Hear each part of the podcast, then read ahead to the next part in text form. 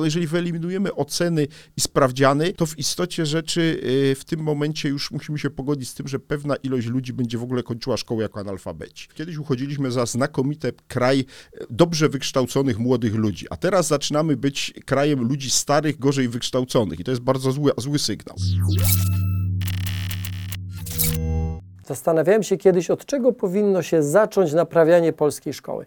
A potem przyszła mi taka myśl do głowy, że może polskiej szkoły w ogóle nie trzeba naprawiać, bo może nie jest aż tak źle. Materiałów na temat edukacji, na temat systemu edukacji, na temat polskiej szkoły na Nauka Tu Lubię znajdziecie naprawdę bardzo dużo. Mm, ostatni, jeden z ostatnich materiałów dotyczy zadań domowych. Zapraszam Was do jego zobaczenia. E, natomiast do tej rozmowy zaprosiłem gościa, gościa, którego szczególnie cenię, e, profesora Antoniego Dudka, historyka, politologa, publicystę, autora książek, ale przede wszystkim człowieka, który ma na ten temat przemyślenia. E, przemyślenia, które bardzo cenię. Do tej rozmowy Was zapraszam a z kolei na kanał Zero zapraszam Was do wysłuchania, do zobaczenia materiału na temat PIZY, na temat badań, które porównują skuteczność polskiego systemu edukacji w kontekście innych systemów edukacji, nie tylko w Europie, ale na całym świecie. Zapraszam Was bardzo serdecznie. Chciałem porozmawiać z Panem o systemie edukacji. Zacznę od pytania, które wydaje mi się mało kiedy w ogóle pada, takie wprost i takie na wstępie. Czy system, czy nasz system edukacji w ogóle wymaga jakiejkolwiek reformy, Pana zdaniem?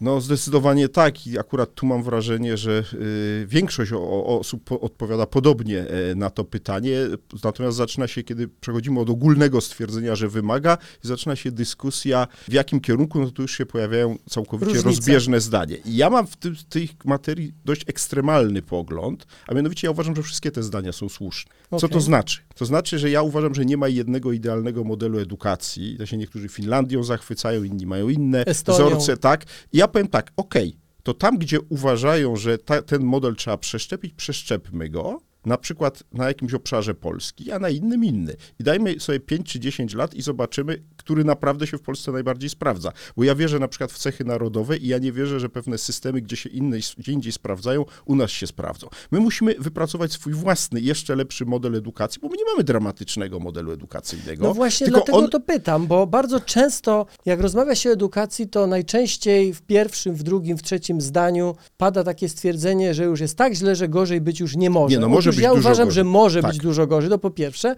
I po drugie, że nie jest jakoś bardzo dramatycznie źle w porównaniu z, z krajami, które nas otaczają.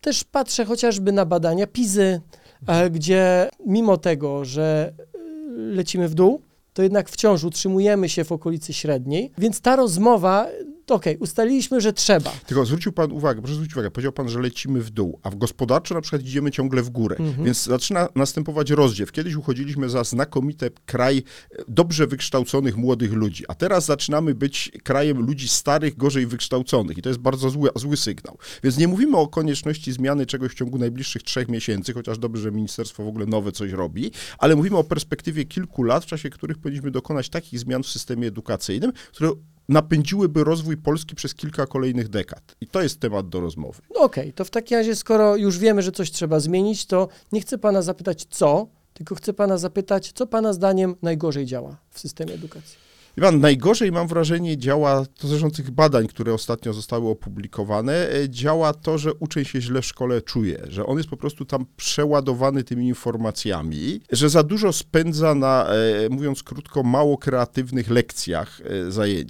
czas. Że trzeba, szkoła powinna obok tej, tego ładunku informacji, który daje, dać też uczniom możliwość rozwijania się no, na innych polach, na innych obszarach, ale to wymaga oczywiście też zmiany nastawienia nauczycieli, nie tylko zmiany przez ministerstwo podstawy programowej, bo to akurat nastąpi. Ta podstawa programowa zostanie odchudzona i chwała Bogu, ale to w ogóle tylko jest wstęp, bo to otworzy pewne pole nauczycielom do działania. Pytanie, czy ci nauczyciele są zdolni do działania bardziej kreatywnego. Bo dotąd oni głównie galopowali z programem, żeby go za wszelką cenę zrealizować i jakoś to do, domknąć. Teraz nagle jest szansa, że oni dostaną dużo więcej czasu własnego. Jest pytanie, czy oni będą mieli pomysł z tych różnych przedmiotów, jak ten czas wykorzystać, żeby uczniów zainteresować swoim przedmiotem, ale już nie w formie egzekwowania tylko od nich wiedzy, zwłaszcza pamięciowej, tylko właśnie popuszczenia wodzy ich wyobraźni w obszarze tego przedmiotu, żeby oni coś tam dla siebie odkryli. Wiadomo, że nie każdego będzie interesowała fizyka, tu niestety, że będziemy nigdy nie zainteresowała, nie każdego będzie interesowała historia.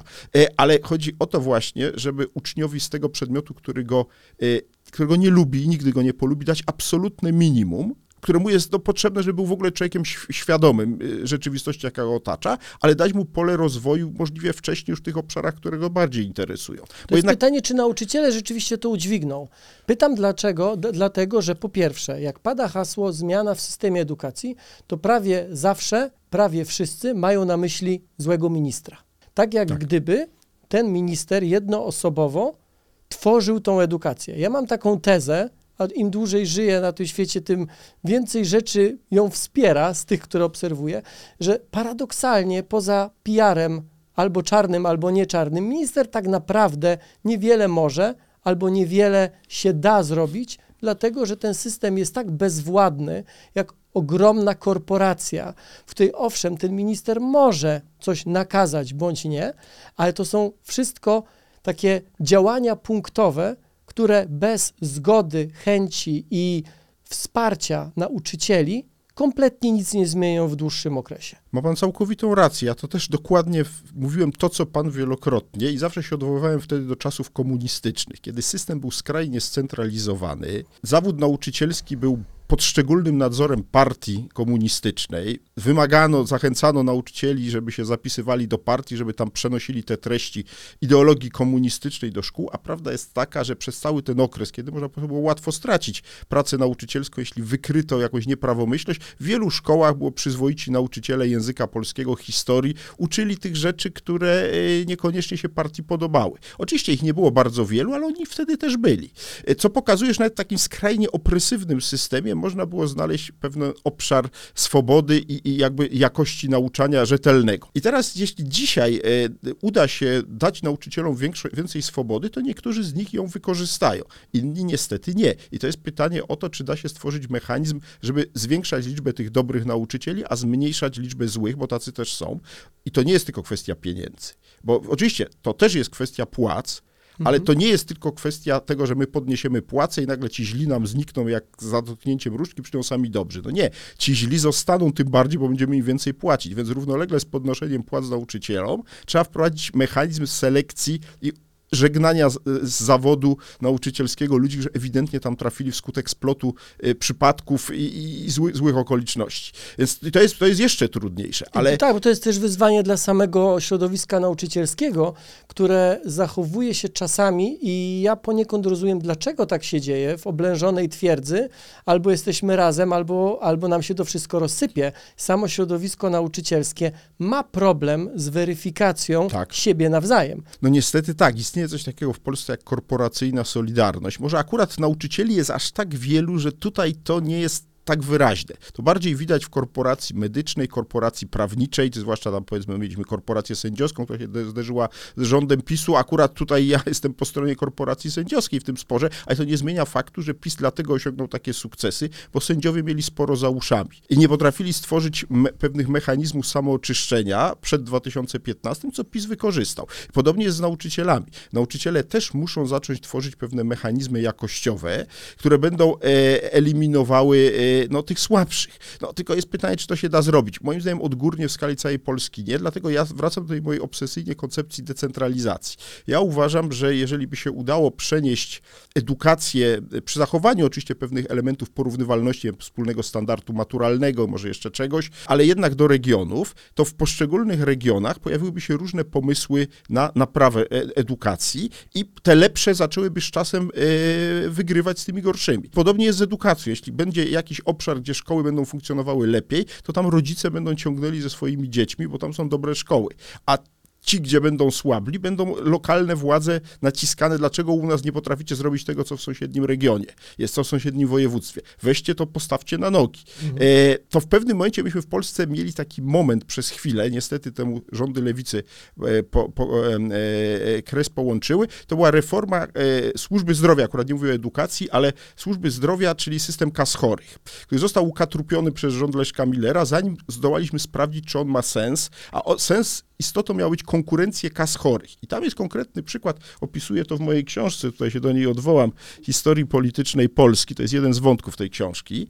E, to jest kazus kas, Śląskiej Kasy Chorów, bliskiej panu i ko, kazus e, szefa, szefa tej pana Sośnierza. Dokładnie, który wymyślił co? Coś na początku lat 2000 absolutnie innowacyjnego, czyli tą kartę ubezpieczenia medycznego, gdzie były zapisywane takie podstawowe informacje jak recepta, informacje o stanie zdrowia. I to się dało wprowadzić w Śląskiej Kasie Chorych e, na początku lat 2000 w skali ogólnopolskiej służby zdrowia minęło prawie 20 lat, zanim to wprowadziliśmy. I to pokazuje, jak można pewne dobre pomysły wprowadzać regionalnie szybciej niż w skali ogólnopolskiej. Dlatego ja tak walczę o ową decentralizację Polski, a chciałbym, e, żeby e, właśnie poligonem decentralizacji stała się edukacja. Taka jest moja wizja. Czy ona się sprawdzi? Nie wiem. Na razie nie widać, żeby rząd chciał decentralizować edukację. Na razie pani minister Nowacka zakłada, że ona uzdrowi system Ten wątek pojawił się przynajmniej dwukrotnie, pewnie w Pana książce także się pojawia.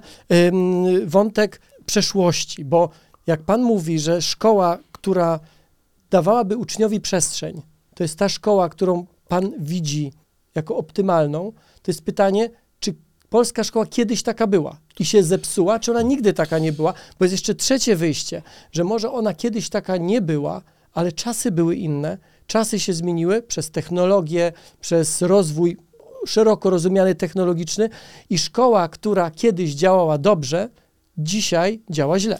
Iwan, na tak ogólnym poziomie moim zdaniem nie da się odpowiedzieć. Zawsze były lepsze i dobre, i gorsze szkoły. Zawsze nigdy nie było, odkąd wymyślono w ogóle e, szkoły w starożytności, zawsze były te lepsze, słynne, prawda? I te takie, o których tam wszyscy mniej chętnie mówili. Przecież tak jest w tych wiodących ośrodkach akademickich na świecie, prawda? Stany Zjednoczone czy Wielka Brytania, które uchodzą za giganty naukowe, mają prawda, najsłynniejsze uniwersytety, zarazem mają też masę uczelni, o których nikt nigdy nie słyszał, gdzie studiuje większość Amerykanów, większość Brytyjczyków. I tak było, jest i będzie. I podobnie będzie w naszym systemie szkolnym. Zawsze będą lepsze i gorsze szkoły. Chodzi o to, jaki jest ogólny bilans, żeby on był pozytywny i żeby to się cały system piął w górę, a nie w dół. Czyli inaczej no to mówiąc, patrząc żeby nie równano w dół. bilans. No więc mam wrażenie, że u nas niestety y, w trzeciej RP w dużym stopniu nie wykorzystano szansy na zbudowanie nowoczesnej XXI-wiecznej szkoły, bo rzeczywiście moim zdaniem szkoła generalnie nie zadąża za przemianami cywilizacyjnymi. No, to jest ten mój ulubiony przykład, który podaję wielokrotnie,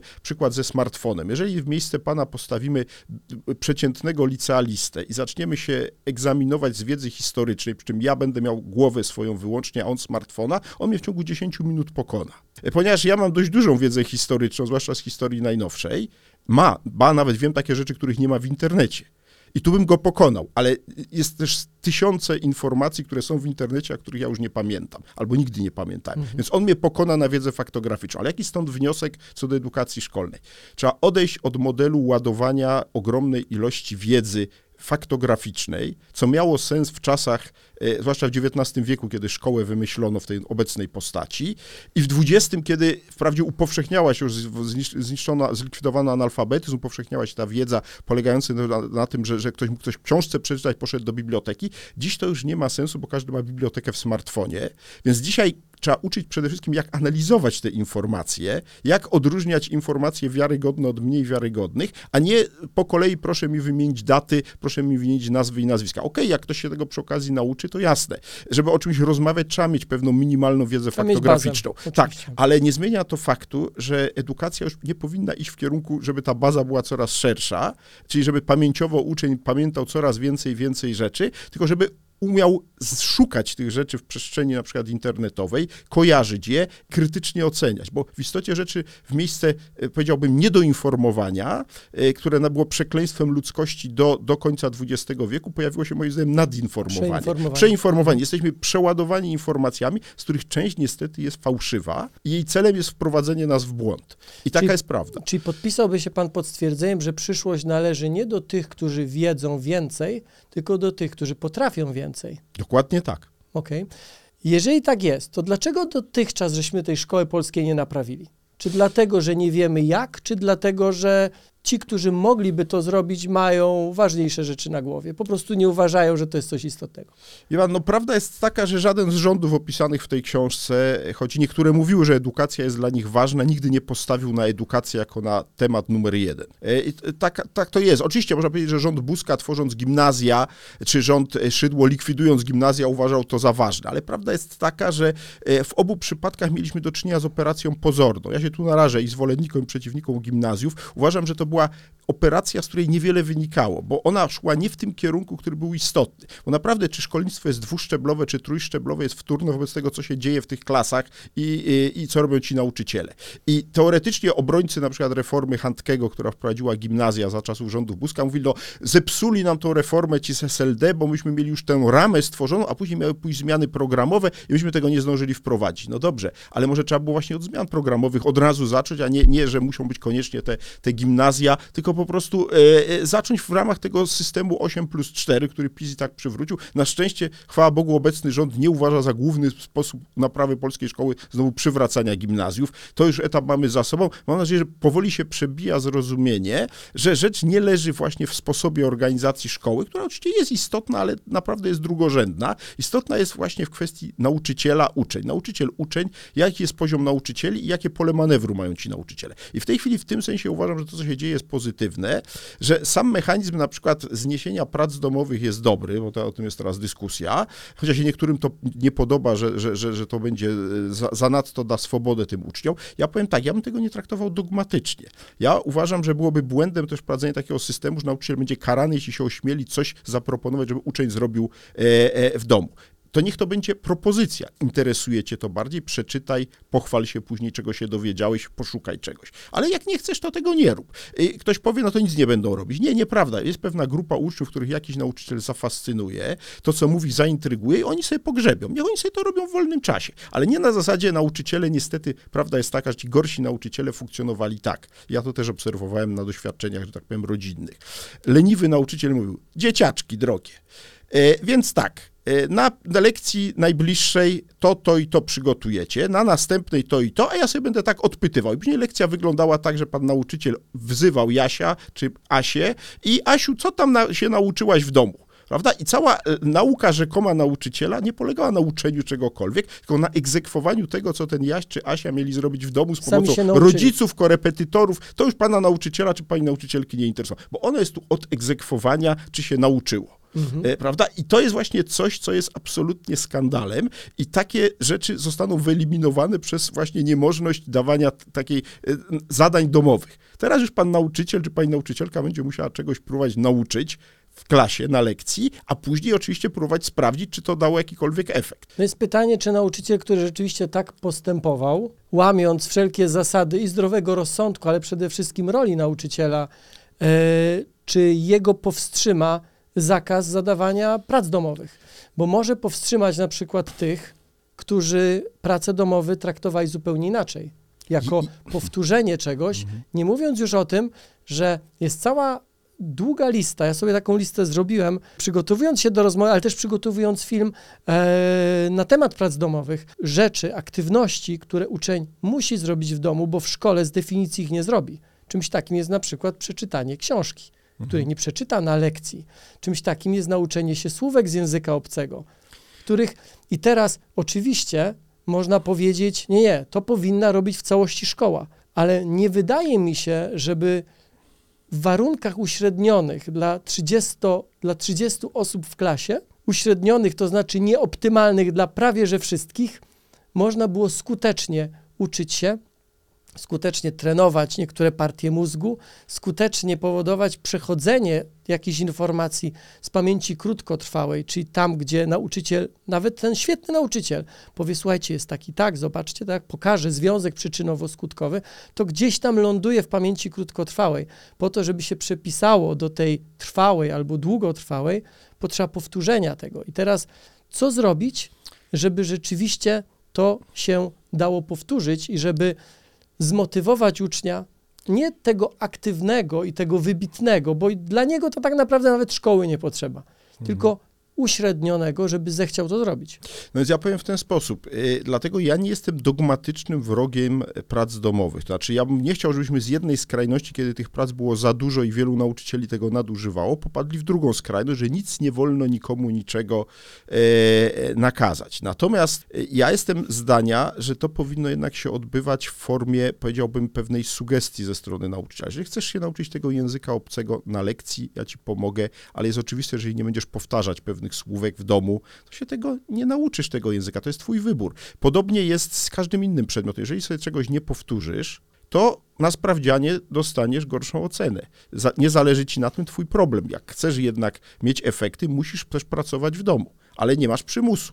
Znaczy, nie będę egzekwował na następnej lekcji od każdego, czy oni odrobili pracę, napisali to czy tamto. Nie, tego nie egzekwuję. Egzekwuję tylko wasz stan wiedzy.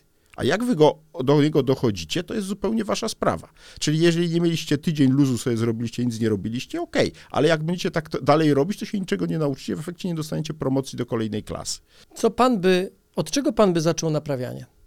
Wie pan, no ja akurat tu się zgadzam od odchudzania programów nauczania. Znaczy, żeby dać tym nauczycielom większą swobodę, a później, kiedy już te programy, to akurat jest najprostsze do zrobienia, mm -hmm. to mhm. odchudzenie, choć oczywiście ono też wywoła awantury, już widzę tych różnych moich szacownych kolegów i koleżanków, profesorów, jak to możliwe, że się nie uczy o pokoju tam takim czy innym, prawda? To mówię o historykach akurat. To absolutnie, nie chcę mówić o nieśmiertelnej bitwie pod Grunwaldem, bo ona przetrwa nawet na najbardziej odchudzonej podstawie programowej z historii, ale wyobrażam sobie profesorze. wielu innych, tak, to, to jest iluzja. Ja zapewniam, że za chwilę tą datę już nie będą tak, że ona się tak taka stała memiczna, więc niby wszyscy te 1410 pamiętają, ale to myślę, że niedługo przestaną i za chwilę 1670 będą wszyscy pamiętali, bo jest świetny serial na Netflixie, prawda? Pod takim tytułem. Nie, ale żart, przechodząc poważnie. Oczywiście mimo tych protestów, które ja wiem, że będą, bo sam pamiętam różne tego typu protesty, yy, trzeba tą podstawę odchudzić nie tylko z historii, ale z wielu innych przedmiotów, a następnie no, dać nauczycielom szansę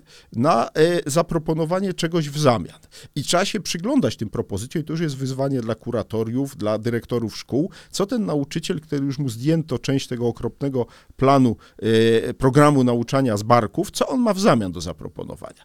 I to jest też kwestia pytania uczniów i tak dalej, obserwowania. I, i, no, i to jest ten moment, w którym właśnie nauczyciele, którzy mają nic do zaproponowania, zostaną zdemaskowani. Okay, bo, oni dotąd, tak, bo, oni te, bo oni dotąd swoją nieudolność uzasadniali przeładowanym programem. To teraz ten argument odpadnie i teraz się okaże, czy oni sobie radzą, czy sobie nie radzą. Oceny tak czy nie?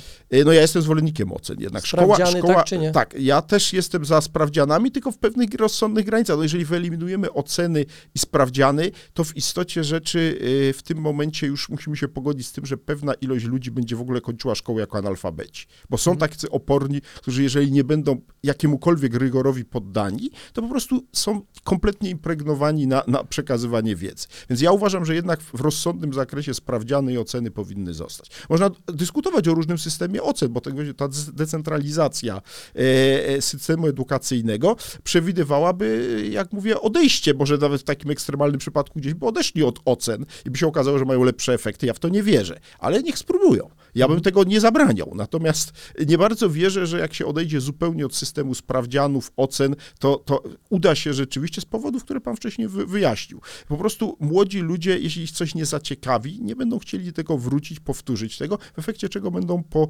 paru miesiącach kompletnie e, mieli białą plamę w, w, takim obszarze wiedzy, którego próbowaliśmy ich nauczyć. Czyli inaczej mówiąc, ja nie wierzę, że się uda czegoś nauczyć bez sprawdzianów i bez ocen. Ale mogę być w błędzie. Ja tego nie wykluczam. A nie ma pan czasami wrażenia, że w szybko zmieniającym się świecie edukacja zawsze jest do naprawy. Że, tak, że, ale że oczywiście ona... tak, tak, że tak. Z, zróbmy reformę, nawet najbardziej udaną, okay?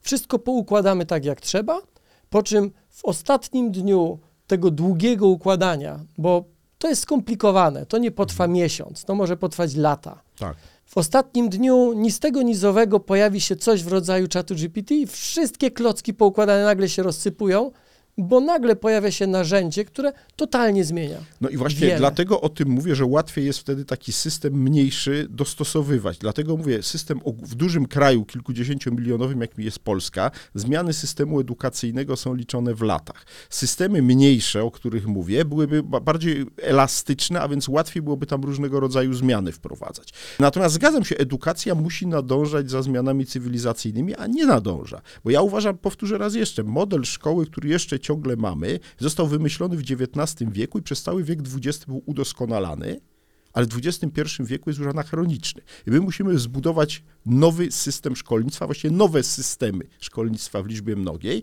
bo moim zdaniem jednym z objawów właśnie tej unowocześniania będzie powrót w istocie rzeczy do tego, co było przed XIX wiekiem, a mianowicie kiedy systemy szkolne były bardzo różne i one były bardzo elitarne, ale przez to były bardzo autonomiczne. Tymczasem w XIX wieku te różne państwa, zwłaszcza nowoczesne, wymyśliły sobie, no, że żeby obywateli zindoktrynować, socjalizować, trzeba ich nauczyć czytać i pisać, musimy stworzyć jednolite ogólnopaństwowe systemy szkolne. Później politycy odkryli, że to jest świetny mechanizm indoktrynacji, więc te reżimy totalitarne, prawda, e, w XX wieku jeszcze bardziej tą szkołę e, e, próbowały jako narzędzie swoich interesów, realizacji swoich interesów jakby wykorzystać. I to się moim zdaniem na szczęście, mam nadzieję, kończy, tylko że jest pytanie, czy będziemy potrafili stworzyć XXI-wieczny model szkoły, no właśnie zupełnie inny niż ten XIX-wieczny. Nie wiem, ja bym bardzo chciał, ja tylko wiem, że moja misja jako nauczyciela się już kończy, ja powoli już mam bliżej do emerytury niż do startu i wiem, że ten model już jest anachroniczny. On już był, jak ja chodziłem do szkoły anachroniczny, tylko ja w miarę upływu z każdą dekadą uświadamiałem sobie coraz bardziej, jak bardzo on jest przerażająco anachroniczny. I im szybciej od tego uciekniemy, tym mamy większą szansę w tym wyścigu cywilizacyjnym. Im dłużej będziemy trwali w tym złudzeniu, że ten XIX-wieczny model troszkę tu podmalujemy, tam gdzieś coś tego porobimy, uda się uratować, e, no tym dłużej, tym wyższą cenę za to zapłacimy po prostu, bo on będzie coraz bardziej anachroniczny, a coraz więcej młodych ludzi będzie nam wyjeżdżało za granicę, właśnie tych najzdolniejszych, uznając, że tam się lepiej uczyć.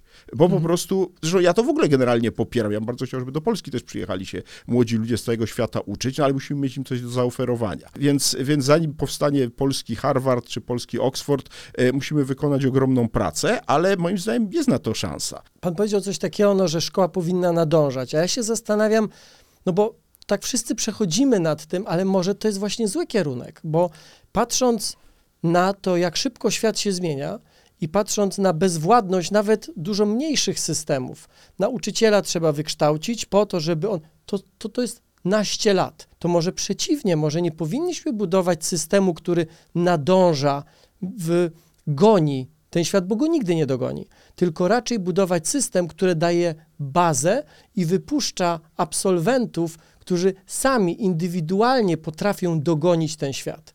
Nie no, zgoda, tylko wie pan, tylko właśnie te, to można robić na różne sposoby, dlatego ja y, y, chcę, żeby najistotniejszym przesłaniem, które wynika z naszej rozmowy było to, że ja właśnie nie wierzę, że z Warszawy ten minister, czy ministra edukacji, jak w tej chwili, zdoła e, wymyśleć jakieś rozwiązania, które się sprawdzą i w Jaśle, i w Sopocie, i w Szczecinie, i w Półtusku. Nie. Ja bym właśnie chciał szkoły zregionalizować, chciałbym też dać więcej swobody szkołom prywatnym i e, społecznym, ale mówimy o szkolnictwie publicznym, bo ono będzie zawsze dominowało. Ja bym je też chciał bardzo Co zdecentralizować. do tego też nie mam pewności, czy będzie dominowało.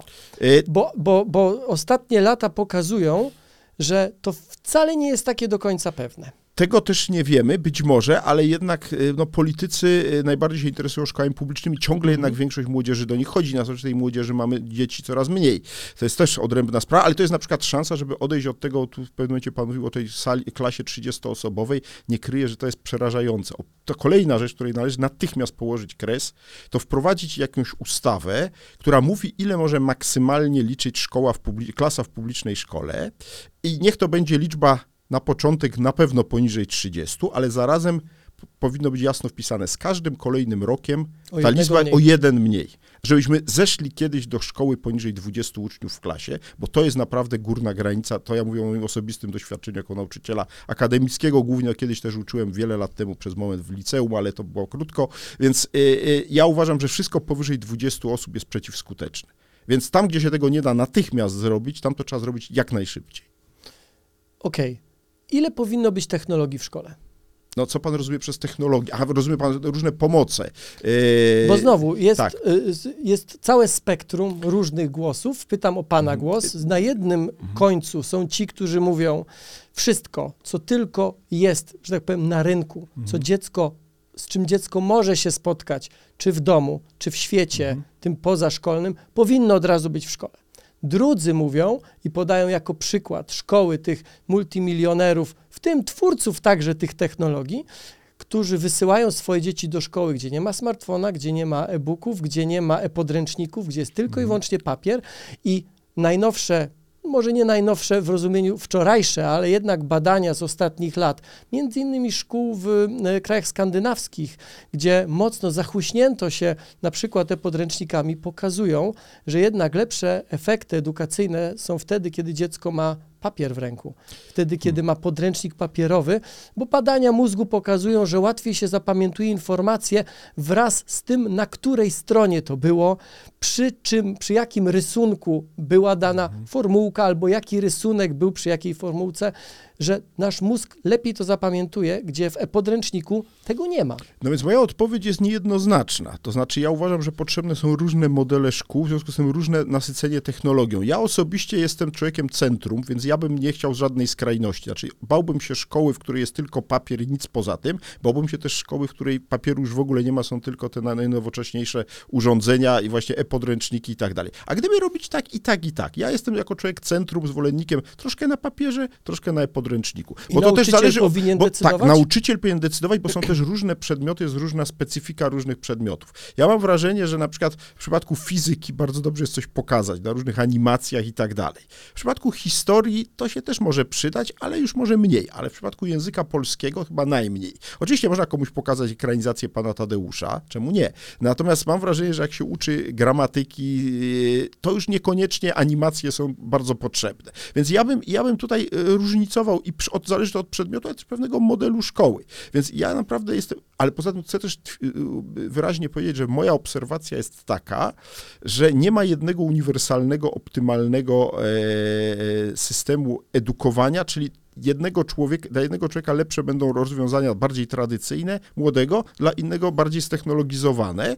To jest to jak z lekarstwami. No, próbuje się robić lekarstwa uniwersalne, ale każdy, kto weźmie ulotkę z dowodnego lekarstwa, dowie się, że tam w przypadku jednego na 100 są takie uboczne, w przypadku jednego na 10 tysięcy są takie uboczne efekty, w przypadku jednego na milion można nawet dojść do zgonu, tak? Chociaż chyba takiego leku to nie ma. Akurat, żeby się wprost przyznawano, ale wiemy doskonale, że tak może być, że mogą być tak rzadkie przypadki. Coś może że być ktoś- alergią. no na Oczywiście. przykład, o czym dotąd nie wiadomo i ten lek go zabije. Ale czy to jest argument, żeby tego leku nie wprowadzać, skoro on setkom tysięcy ludzi uratuje życie? No i wprowadzamy go. Zastanawiam się, czy jak pan myśli o edukacji, o takim wymarzonym systemie, takim wymarzonym w pana głowie, czy pan zakłada tam zmiany takie, bądź co będzie jednak kosmetyczne, na zasadzie, że nauczyciel ma więcej przestrzeni, e, że może w związku z tym wykorzystywać może bardziej oryginalne formy przekazu, czy dopuszcza pan takie totalne tąpnięcie, na przykład takie, że nie ma klas, że na przykład dziecko na wejściu jest jakoś tam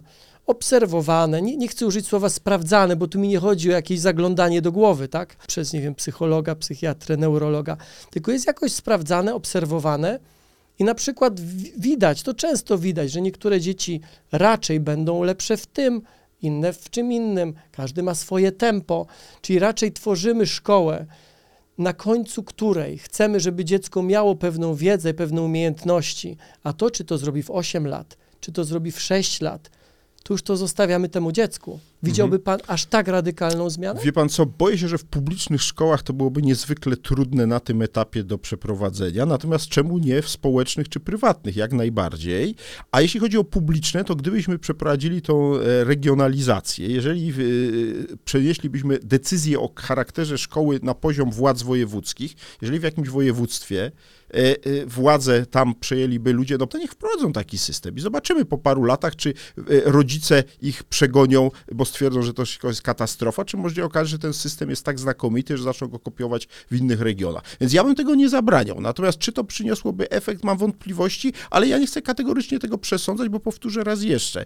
Nie ma jednego uniwersalnego, zawsze sprawdzającego się systemu edukacyjnego i co więcej, ten sam człowiek jakby w zależności od tego, do jakiego systemu trafi, albo wyzwoli swoje możliwości, albo nie. Czasem jeden potrzebuje takiego właśnie bardzo liberalnego modelu szkoły, a przeciwnie, inny potrzebuje takiego bardzo surowego, konserwatywnego.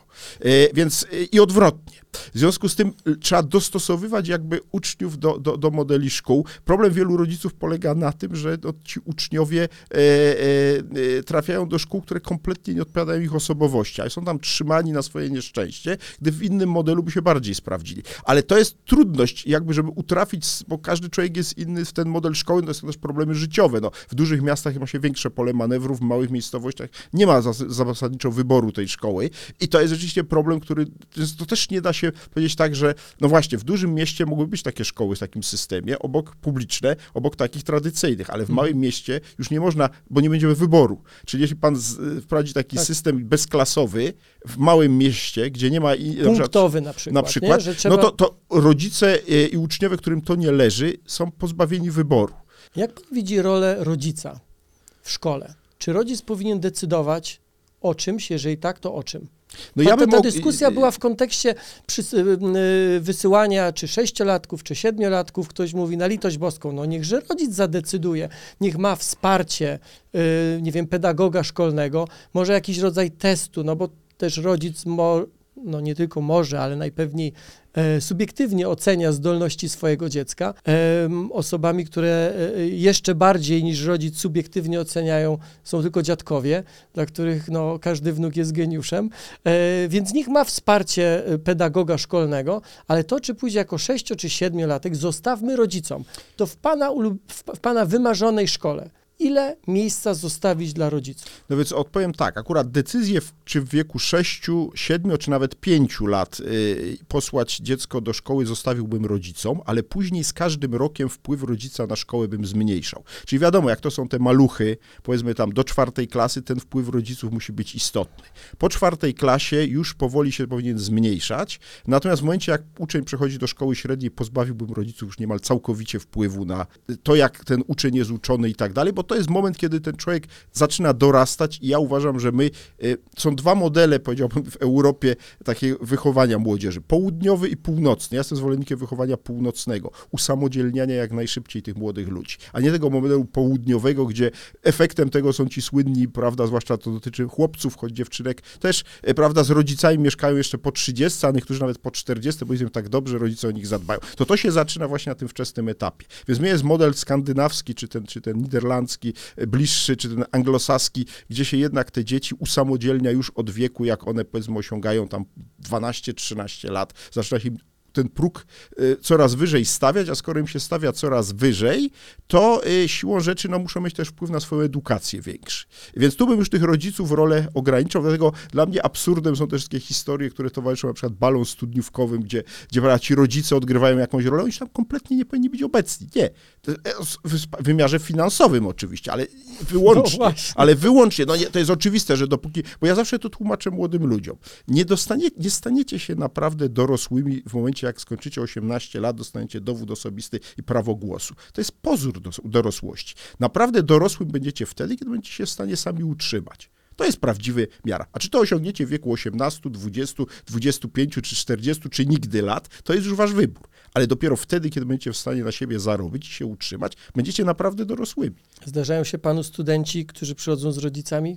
Nie, już nie. Kiedyś miałem, Bo ale mi się ja... zdarzyło kilka e, razy. Ja nie. wykładałem na uczelni przez czas jakiś i rzeczywiście kilka razy zdarzyło mi się, że student przyszedł z mamą i mama prosiła na przykład o to, żeby może jednak jeszcze jeden termin się udało. No, bo pan musiał być surowy, a ja surowy też ja bywałem, nie, a, ja, a, ja, a ja surowy nigdy nie byłem, więc u mnie tych interwencji były mniej, bardzo sporadycznie lata temu, ale teraz już nie, ale też dlatego, że ja nie jestem zbyt surowy, mam wrażenie. Okay. Ten wątek pojawił się w którymś momencie naszej rozmowy, ale chciałbym do niego wrócić. Pan powiedział coś takiego, przed XIX wiekiem były oczywiście systemy, edukacji, one były różne, one nie były scentralizowane. Nie były szalenie były elitarne, bo to była elitarne. bardzo wąska grupa bogatych mogła tak, sobie pozwolić. czyli innymi słowy, była większość, która ogarniała rzeczywistość na poziomie, na którym musiała ogarniać, uczona przez środowisko, uczona może w jakiejś szkółce niedzielnej, totalnych podstaw przykościelnej,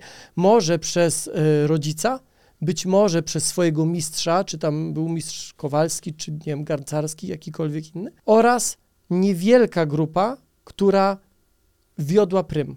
Niewielka grupa, do której należały tak naprawdę narzędzia kształtowania tego świata. Znaczy inaczej. Świat generalnie, ja uważam, że podział na lewicę i prawicę się robi kompletnie anachroniczny już dawno. Ja natomiast uważam, że są dwa modele rozwoju: centralistyczny i decentralistyczny.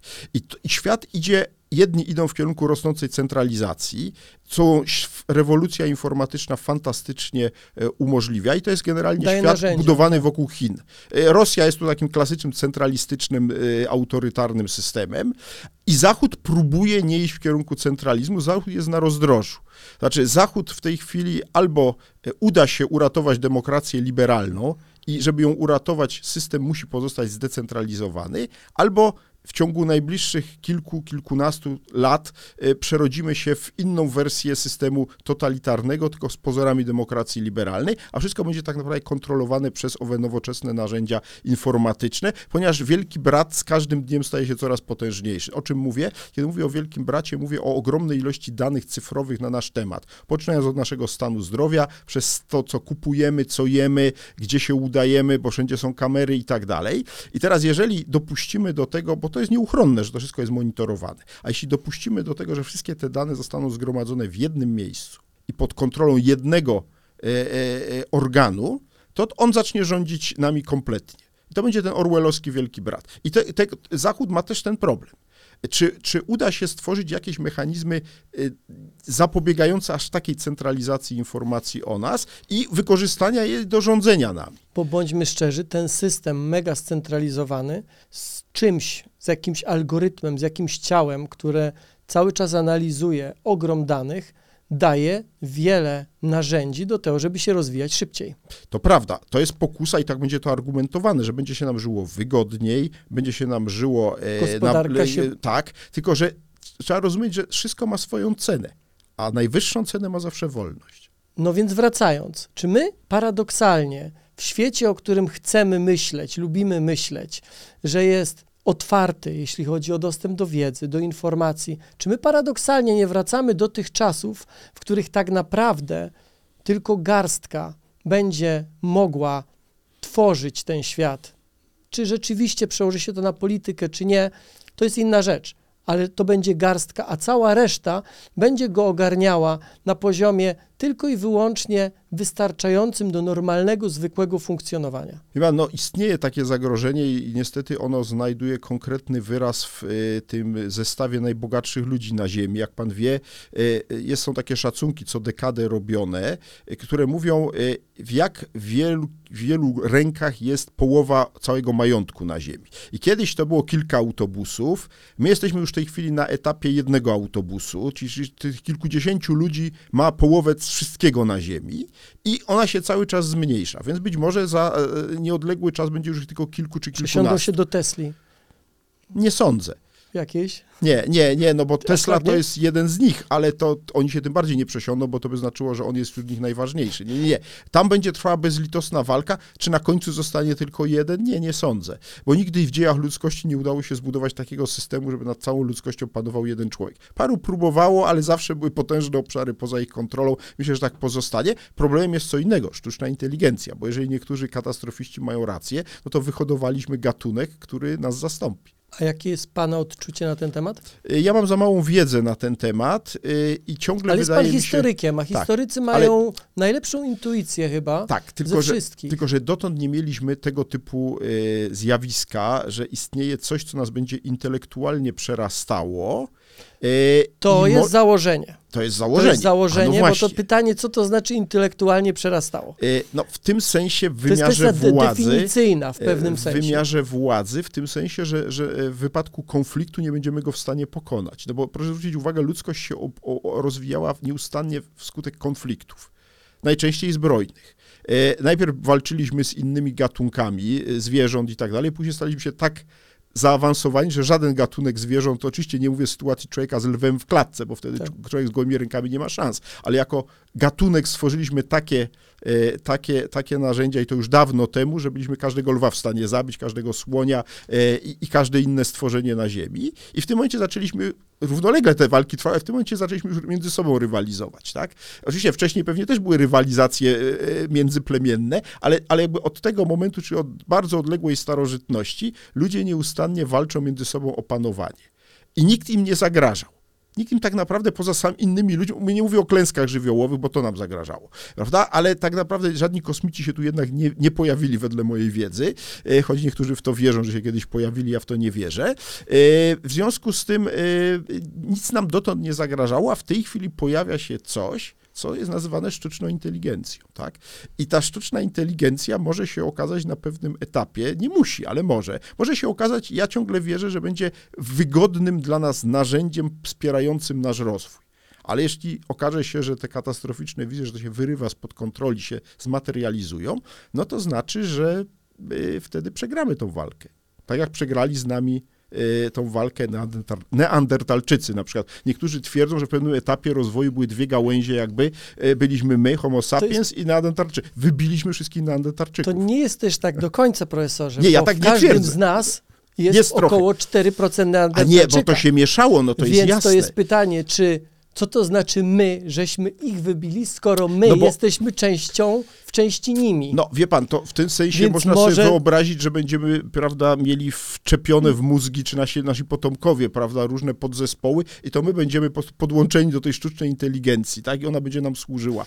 Znaczy, można sobie różne rzeczy, ale ja nie jestem e, znaczy, futurologiem, tak. nie jestem pisarzem science fiction, nie będę się w to bawił. Jeżeli ta analogia z neandertalczykami miałaby się powtórzyć, podobno historia się powtarza, twierdzą niektórzy historycy, a inni mówią, to jest bzdura, nigdy się nie powtarza, bo zawsze jest coś innego. Bo zawsze się powtarza z pewnymi różnicami. No więc właśnie, ale jeżeli ta analogia by miała być przełożona jeden do jeden, to coś, co dla nas dzisiaj wydaje się być czymś przerażającym, czyli to, że przyszły gatunek to będzie jakiś rodzaj hybrydy pomiędzy tym węglowym tworem, opartym na białkach, jakim jest człowiek, a tym krzemowym. Być może to już nie będzie krzem, e, bo elektronika węglowa wydaje no. się być bardziej uniwersalna jakim jest dzisiejsza elektronika. Dzisiaj się to wydaje być przerażające, ale my nie wiemy, czy z punktu widzenia neandertalczyka siedzącego przy ognisku i rozmawiającego z drugim neandertalczykiem. O ile umiał mówić, bo to nie jest jasne, tego miał, nie wiemy. Ale miał jakiś rodzaj społecznych pewno, relacji, tak, tak. bo to się odkrywa, groby i tak dalej, pochówek. Coś musiał wierzyć, więc musiał mieć jakiś rodzaj komunikacji. Być może oni też gadali między sobą. Wiesz co, przeraża mnie myśl, że nasi następcy będą z nimi jakoś skrzyżowani. Tego nie wiemy. Ale dopuszczam taką myśl, że być może przyszłość to jest jakiś rodzaj hybrydy. Nie wiem jakiej, ale może tak jest. Ostatnie pytanie chciałem zadać, wracając do edukacji. Jak projektujemy jakiś system, musimy sobie zadać kilka pytań, czego my tak naprawdę oczekujemy na końcu. I chciałem panu zadać to pytanie. Jak pan myśli o idealnym systemie edukacji, i o polskich dzieciach, to kogo pan widzi jako absolwenta? Jak, jaki ten ktoś powinien mieć cechy? Jak on powinien umieć się w tym świecie znaleźć? Nie da się opisać jednego idealnego absolwenta. I właśnie jednym z błędów tych systemów edukacyjnych jest próba zuniformizowania określenia e, jednego, e, powiedziałbym, systemu, czy profilu jednego absolwenta. To zresztą dotyczy tego obszaru, o którym tu nie rozmawialiśmy, ale widziałem pana program o, o, polskiej nauce, o tym nieszczęsnym systemie ewaluacji. Otóż praźródłem porażki polskiego systemu ewaluacji jest próba ogarnięcia przez niego całej polskiej nauki, czyli dziedzin tak różnych jak filologia polska i astrofizyka. Nie ma i nikt nigdy nie wymyśli, moim zdaniem, systemu, który by obiektywnie oceniał dokonania z filologii polskiej i z astrofizyki. Muszą być odrębne systemy ewaluacji dla różnych dziedzin nauki. Podobnie muszą być różne profile absolwentów e, w różnych modelach szkół to, czego możemy sobie życzyć, to żeby jak najwięcej młodych ludzi trafiało do profilu szkoły dla nich odpowied najodpowiedniejszego. Okay. Ale czy Pana odpowiedź nie jest w gruncie rzeczy definicją raczej szkolnictwa wyższego? Ja mówię o nie. szkolnictwie podstawowym. U dziecka w przedszkolu nie wiemy, czy będzie żołnierzem i ma być twardy, czy będzie psychologiem. A to, to, to jest jasne, że nie potrzebujemy ale w szkole średniej, Ale w szkole średniej już będziemy wiedzieli. Być może tak, ale w szkole podstawowej jeszcze nie. To prawda. I moje pytanie jest, jak zaprojektować ten sam start w system no to edukacji? Odpowiedź jest bardzo oczywista. Trzeba sprawić, żeby on przez tą szkołę podstawową przeszedł przez kilka różnych modeli i zobaczymy, w którym mu się najbardziej e, sprawdza, co go najbardziej interesuje. Pewne cechy się, moim zdaniem, już objawiają w szkole podstawowej. Czyli on powinien zasmakować różnych rzeczy w szkole podstawowej, żeby już w miarę możliwości się wyprofilować dobrze w szkole średniej, a po szkole średniej, żeby już mieć jasność, co chce dalej w, roku, w życiu robić, bo większość problem, problemów się bierze z tego, że cała masa obecnych maturzystów tak naprawdę nie wie, co z sobą w życiu zrobić. Dlaczego? Bo ten system był nakierowany na ładowanie do nich wiedzy faktograficznej, żeby ją zakuli, zdali i zapomnieli, ale co oni właśnie mają zrobić ze sobą w życiu, to nad tym się nie mieli czasu zastanowić. Więc szkoła średnia powinna im dać więcej czasu, żeby się zastanowić, co im bardziej interesuje od innych rzeczy, ale mało tego, ja dalej uważam, że w przypadku szkół wyższych taki mój pożądany model to jest model jednak bardziej zbliżony do systemu anglosaskiego, a mianowicie taki, że człowiek nie idzie w ogóle na żadne konkretne studia po maturze, tylko idzie ogólnie na wyprofilowane na przykład nauki ścisłe, nauki humanistyczne i ma jeden rok, gdzie dostaje wykłady z bardzo różnych obszarów, chociaż jeśli idzie nauki ścisłe, no to dominują nauki ścisłe, ale ma tam jakiś wykład z historii czy z socjologii. I odwrotnie, gdzie idzie na nauki e, e, humanistyczne czy społeczne, ma tam też jakiś wykład z matematyki czy, czy, czy, czy generalnie z nauk ścisłych czy przyrodniczych, po to, żeby jeszcze rok się dobrze zastanowił i dopiero po tym roku już takiego normalnego, ale już uniwersyteckiego studiowania, on decyduje się, czy idzie bardziej na biologię, biochemię, filologię polską, historię, a może właśnie, na, nie wiem, astrofizykę i tak dalej. Czyli tak, tak bym sobie to wyobrażał. Czyli ja bym chciał dać ludziom więcej czasu na zastanowienie, ale ten czas musi być określony. Ale właśnie w warunkach już innej szkoły, nie, nie szkoły średniej. Bardzo panu dziękuję za rozmowę. Dziękuję. Nauka to lubię. Dzisiejszym gościem był profesor Antoni Dudek, historyk, publicysta, politolog i autor książek. Dziękuję bardzo za uwagę.